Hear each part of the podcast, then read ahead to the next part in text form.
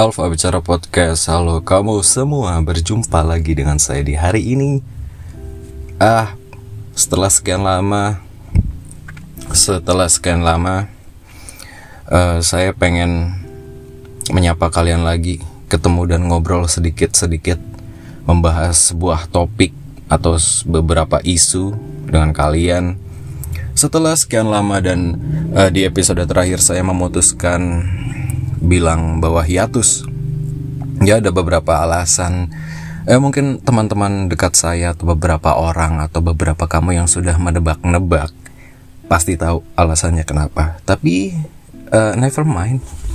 Udah nggak udah nggak jadi masalah lagi dan uh, saya kepikiran. Di suatu malam saya kepikiran. Kepikiran kalau uh, sayang sayang banget kalau belum sampai episode ke-100 sudah berhenti. Uh, jadinya saya bertekad bertekad untuk melanjutkan melanjutkan rekaman ini uh, Alfa Bicar Podcast ini sampai ke episode 100 nanti. Hmm, kurang lebih ada berapa belas episode lagi gitu ya. Uh, sebelum nanti ya mungkin saya akan memberhentikan ini semua di episode ke-100. Um, mungkin saya bikin lagi atau nggak bikin sama sekali ya nggak tahu sih. Tergantung nanti gimana semesta membawa saya gitu ya. Oke apa kabar kamu? Uh, senang rasanya kita saya dan kamu itu bisa saling berbicara dan mendengarkan. Kali ini saya yang berbicara. Kamu berhak untuk mendengarkan berhak juga untuk tidak. Gak masalah uh, sedikit recap dulu. Um, di episode episode kemarin itu terlalu banyak hal-hal yang personal. Ya karena memang saya membagikan sebuah cerita yang lagi relate sama saya waktu itu kan. Dan menurut saya nggak ada masalah karena seperti yang kalau kamu masih inget ya mungkin nggak inget saya berniat uh, saya niatkan rekaman podcast ini untuk jadi bahan ini bahan bahan saya buat mengap, uh, mengekspresikan sesuatu gitu. Bukan bukan untuk yang gimana gimana tapi lebih ke situ. Dan beberapa manfaatnya sudah saya dapatkan. Dulu juga sempat mendapatkan manfaat yang mungkin akan mengubah hidup saya tapi nggak jadi ternyata. Dan itu nggak masalah. Itu nggak masalah sama sekali. Dan ketika kamu memutar episode kali ini mungkin ada sesuatu yang beda. Saya nggak pakai mikrofon kondenser. Saya pengen kembali lagi ke masa-masa awal saya memulai ini semua dengan rekaman dengan voice note lewat handphone. uh, dan saya pakai Dolby On tetap aplikasinya Mungkin kalau kamu juga suka rekam-rekam yang kayak gini, uh, bisa ngulik-ngulik dikit equalizernya atau gimana, itu peredaman kebisingannya kayak gitu, kamu bisa pakai Dolby On ini, aplikasi yang menurut saya sangat bagus sekali. Uh, gimana ya, saya sudah mengalami beberapa cerita, nggak banyak sih, nggak banyak. Uh, ceritanya adalah, hmm, oh ya Uh, setelah kejadian yang membuat saya sangat terpukul, sangat jatuh, patah hati, lalu saya self diagnose mungkin ya saya de depresi seperti itu. Tapi yang nggak benar-benar saya kategorikan depresi, mungkin saya lagi ada dalam pressure aja. Uh, tapi saya pernah sampai di titik yang saya tuh nggak bisa tidur sama sekali berhari-hari kalaupun bisa tidur itu paling cuma 1-2 jam. Tapi setelah itu bangun tidur rasanya capek lagi. Rasanya beban tuh masuk semua tiba-tiba datang lagi gitu. Dan bangun tidur rasanya menyesal kenapa saya bangun? Harusnya saya tidur aja gitu. Saya ada di sampai di titik itu lalu saya minta tolong teman-teman saya di online eh, di sosmed buat Uh, mungkin ada nggak sih yang punya rekomendasi psikolog sebelum menanti ke psikiater ya? uh, di di Instagram di Twitter saya nanya minta bantuan kayak gitu ada teman-teman yang memang ngasih rekomendasi katanya ke puskesmas dulu aja siapa tahu ada gitu ya saya tahu karena biaya buat konsultasi kayak gitu kalau ke dokter yang langsung psikolog gitu ya ya tergantung nama mungkin ya itu na, e, biayanya nggak murah dan kata teman saya ada layanan gratis atau di cover BPJS gitu di puskesmas yang ada ada dokter kejiwaannya gitu. Walaupun nggak semua puskesmas ada layanan seperti itu ya, tapi kamu bisa googling, bisa cari sendiri di kotamu masing-masing. Dan uh, kenapa sih saya pengen banget ke psikolog? Pertama, uh, di awal-awal masalah itu saya menutup diri. Saya merasa ya cukup saya dan keluarga inti saya aja yang tahu tapi lambat laun masalah semakin bercabang-cabang, makin banyak yang saya nggak paham, saya nggak tahu gitu. Terus kehilangan tempat untuk berbagi, tapi rasanya tuh kepala, batin, pikiran itu penuh. Saya mencoba buat um, ya udah deh, saya buang rasa malu saya. Karena segala sesuatu yang kemarin itu diawali dari sosmed. Ya saya berusaha buat konfirmasi lagi lewat sosial media saya. Sebenarnya apa yang terjadi? Menurut pandangan saya menurut point of view saya. Ya ada yang biasa aja diem aja. Ada juga yang mengirim apa ya semangat mengirim ucapan motivasi gitu. Saya sangat sangat sangat berterima kasih. Saya jadi tahu teman-teman yang peduli yang betul-betul peduli sama saya dan yang enggak. Dan saya nggak bisa nggak bisa memaksakan respon orang terhadap saya. Karena kembali lagi kenapa saya butuh psikolog ya karena buat tempat cerita. Dan di umur saya yang sekarang makin tua di umur 30 dan juga teman-teman saya pun sama makin tua. Bahkan beberapa teman kan udah ada yang berkeluarga udah punya anak pekerjaannya macam-macam atau dengan masalah yang macam-macam masing-masing. Jadi rasanya saya pernah nyoba buat cerita tapi akhirnya pada akhirnya itu tidak fokus dan saya tidak merasa puas. Karena ketika saya pengen cerita ya saya ya saya yang pengen um, didengarkan gitu ya. Tapi saya merasa tidak puas. Tapi saya paham kenapa. Karena tidak semua orang bisa memposisikan dirinya sebagai pendengar.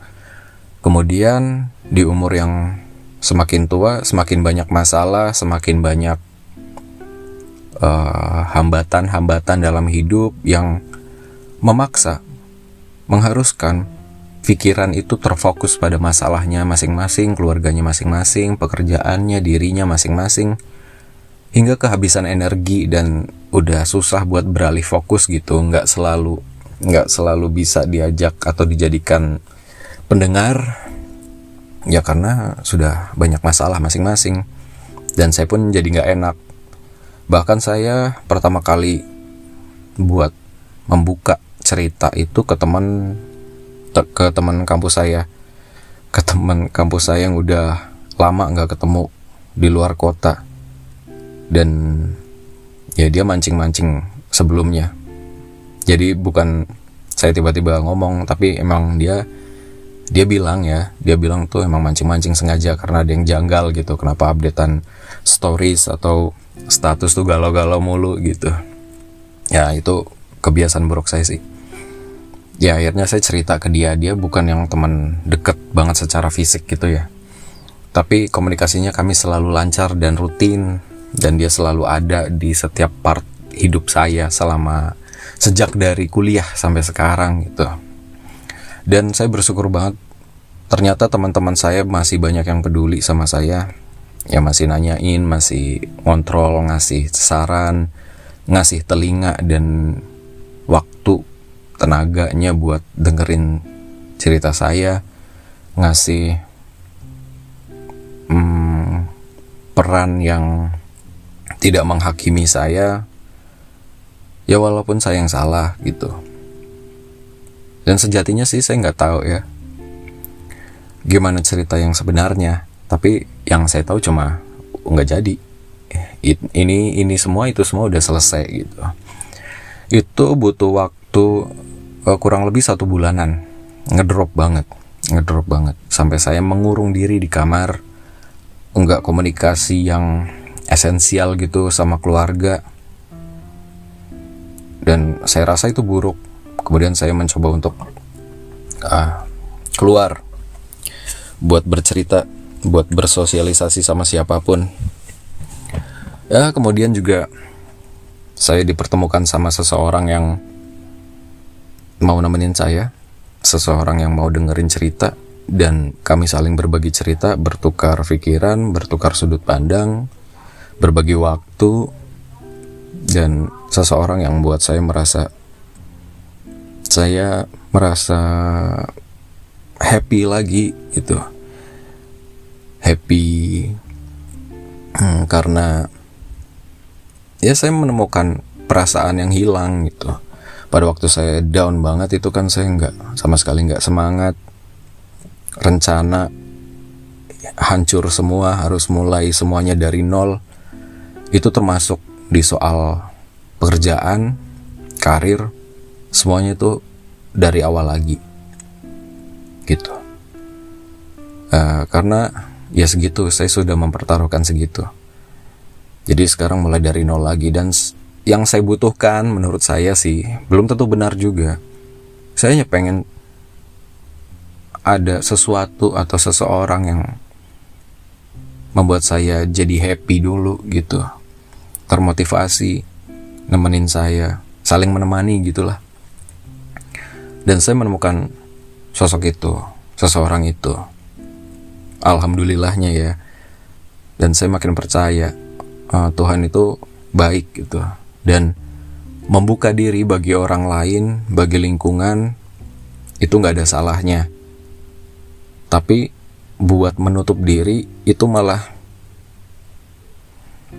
apa ya kita malah jadi kehilangan banyak kesempatan atau kemungkinan-kemungkinan baik yang bakal terjadi. Yang seharusnya kalau kita bisa membuka diri kemungkinan kemungkinan itu tuh lebih cepat datang ke kita. Itu sih yang saya rasain. Dan saya lagi memulai kembali semuanya dari nol. Ya seperti itu. Terlepas dari segala drama-drama yang saya nggak tahu gitu ya pasti. Saya tidak pernah mengharapkan ini semua jadi sesuatu yang berlarut-larut jadi sesuatu konflik yang melibatkan kebencian gitu. Tapi eh, kadang-kadang gimana ya? Niat seperti itu tuh bukan cuma satu pihak tapi juga dua atau beberapa pihak gitu yang terlibat. Kalau memang sama-sama ingin tidak ada gimana-gimana gitu ya. Ya saling empati berempati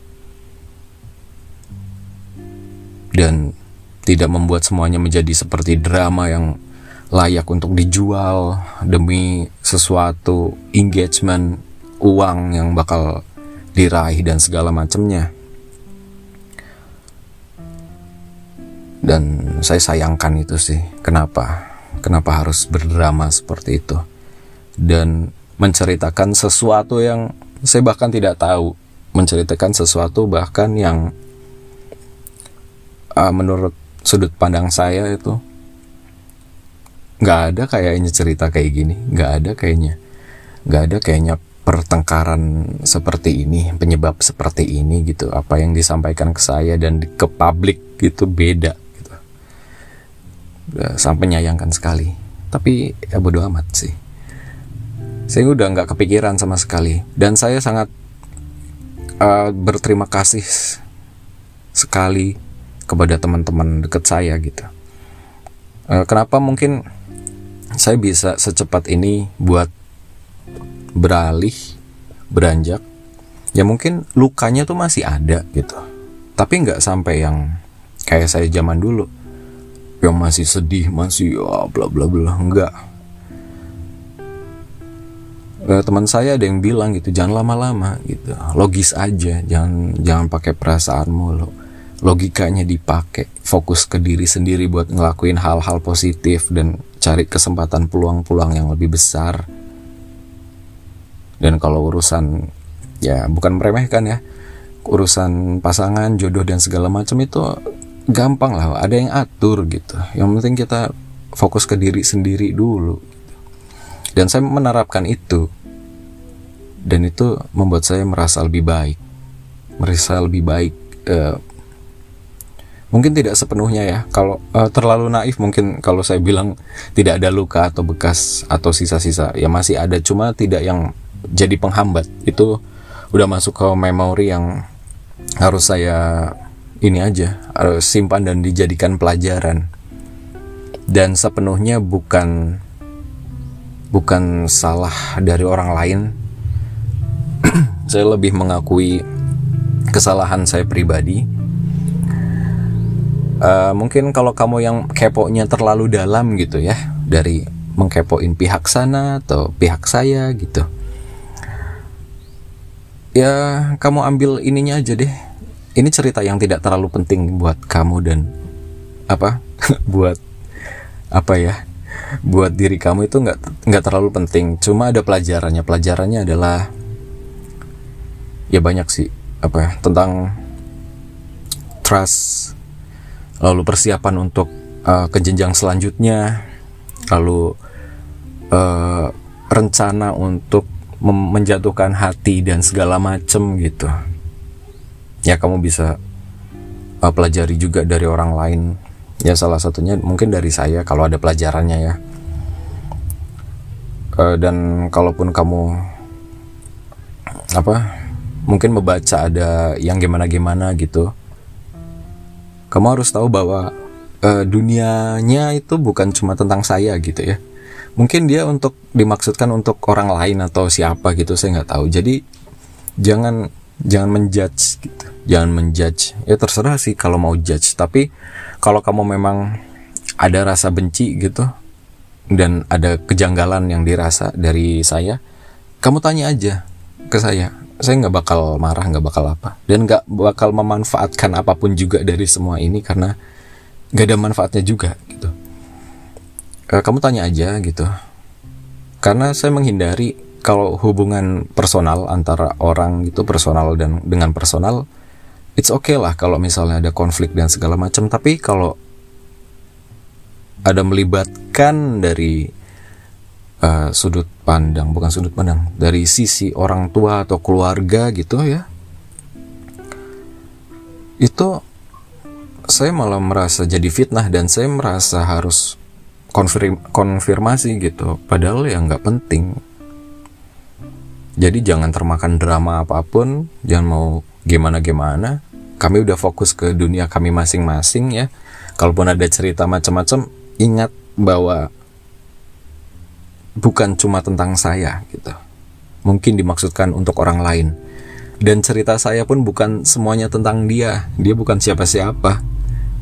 Masih banyak orang lain yang ada di sekitar saya dan yang ceritanya ingin saya bagikan gitu ya. Ya, saya feel feel better. Merasa lebih baik.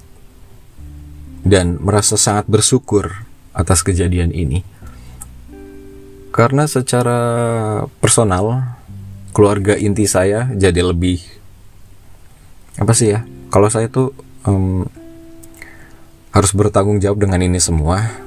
Jadi mungkin ya harus bekerja lebih keras lagi. Tapi saya rasa kesolidan kami solidnya kami di keluarga inti itu menambah beberapa persen gitulah kami belajar banyak hal kami belajar banyak hal uh, dan berserah diri gitu, mengakui kesalahan dan kekurangan gitu. Yang penting saya sudah secara personal sudah meminta maaf, sudah menyampaikan maksud, sudah berusaha untuk menjelaskan segala macam. Tapi kalau yang sana tidak mau merespon dan diam ya itu hak bagi mereka. Kewajiban saya adalah menyampaikan itu semua. Dan sudah saya anggap selesai. Nggak masalah. Uh, jadi episode kali ini uh, sangat sangat sangat personal gitu.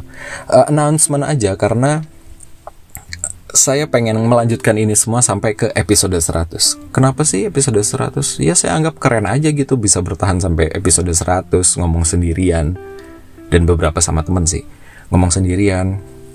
Dan apa ya mungkin mungkin di episode selanjutnya saya bakal ini sih coba coba ini coba mau rekaman sama teman lagi mungkin ya kalau ada kesempatan. Tapi itu itu aja. Semoga kamu hidup lebih bahagia lebih baik. Tapi um, apa yang saya dapat yang saya serap mungkin uh, kesempurnaan itu nggak ada. Mencari sesuatu atau sosok seseorang yang sempurna itu nggak ada. Selama hidup itu tidak ada sesuatu yang kekal kesedihan yang kekal kebahagiaan yang kekal itu nggak ada. Itu pasti silih berganti gitu. Ada ada saatnya kita happy ada saatnya kita sedih. Uh, kita nggak bisa ngontrol sesuatu yang di luar jangkauan kita dikotomi kendali uh, tentang prasangka orang, bagaimana orang menilai kita, pihak ekster eksternal itu gimana cara mentreat kita. Kita cuma bisa kontrol apa yang bisa kita kontrol, diri kita, cara kita memperlakukan orang, berbicara dengan orang, berpikir, cara kita berpikir, mengambil sudut pandang yang positif dan mengenakan bagi bagi atau buat diri kita gitu, walaupun itu tentang seseorang gitu. Husnuzon, berprasangka baik gitu. Karena uh, suzon atau berprasangka buruk itu kan sangat menyiksa. Saya merasakannya sendiri gitu. Jadi saya terus untuk menekan prasangka buruk dan iblis-iblis yang coba membisikkan sesuatu yang jahat gitu ya. Karena uh, merasa lebih tenang. Dan apa yang di luar jangkauan kita itu ya biarkan saja kita fokus ke apa yang bisa kita kerjakan bisa kita jangkau. Oke okay? uh, semoga harimu menyenangkan. Semoga lebih sehat lebih sukses lagi uh, lebih improve lagi. Dan sampai ketemu di episode selanjutnya. Kalau kamu mau cerita silahkan cerita di alfa bicara podcast at gmail.com uh, apa ya tagline-nya? Eh tagline itu. Oh ya alfa bicara podcast. Signing out 拜拜